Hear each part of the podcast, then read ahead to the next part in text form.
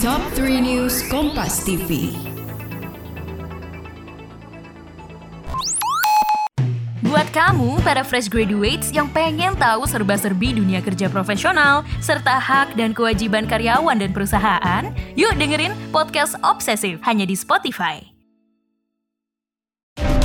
Halo sahabat Kompas TV, saatnya kita update 3 berita terpopuler pada hari ini, Senin 16 Mei 2022 bersama saya Karisma Ningtyas. Sebuah bus pariwisata menabrak tiang reklame di tol Surabaya Mojokerto. 14 orang tewas akibat kejadian ini. Pemerintah Kota Mojokerto memfasilitasi pemulangan jenazah. Jenazah pertama yang dimakamkan yakni warga wilayah Benowo, Kota Surabaya.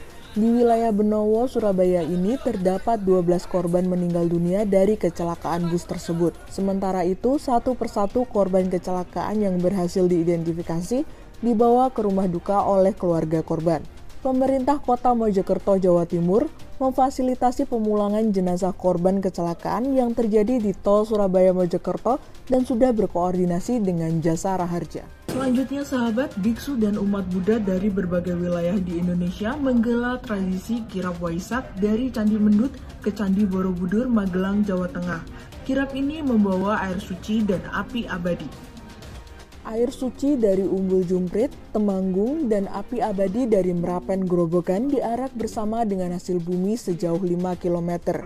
Bagi umat Buddha, prosesi kirap Waisak ini sangat penting sebagai penghormatan terhadap ajaran Sang Buddha menuju ke kesempurnaan. Kirap juga jadi salah satu cara meditasi yang diajarkan oleh Sang Buddha.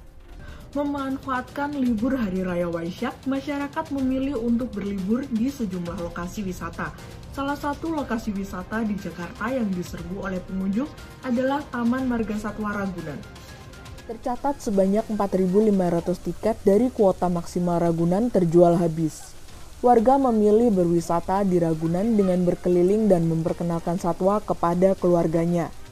Ruang terbuka hijau dan lebih dari 2000 satwa yang ada menjadi daya tarik. Pengunjung bukan hanya dari kawasan Jakarta saja, melainkan juga dari Jabodetabek. Nah, itu dia tiga berita terpopuler hari ini. Apa nih topik yang menarik untuk kamu sahabat? Tulis di kolom komentar ya. Saya Karisma Ningtyas, pamit undur diri. See ya!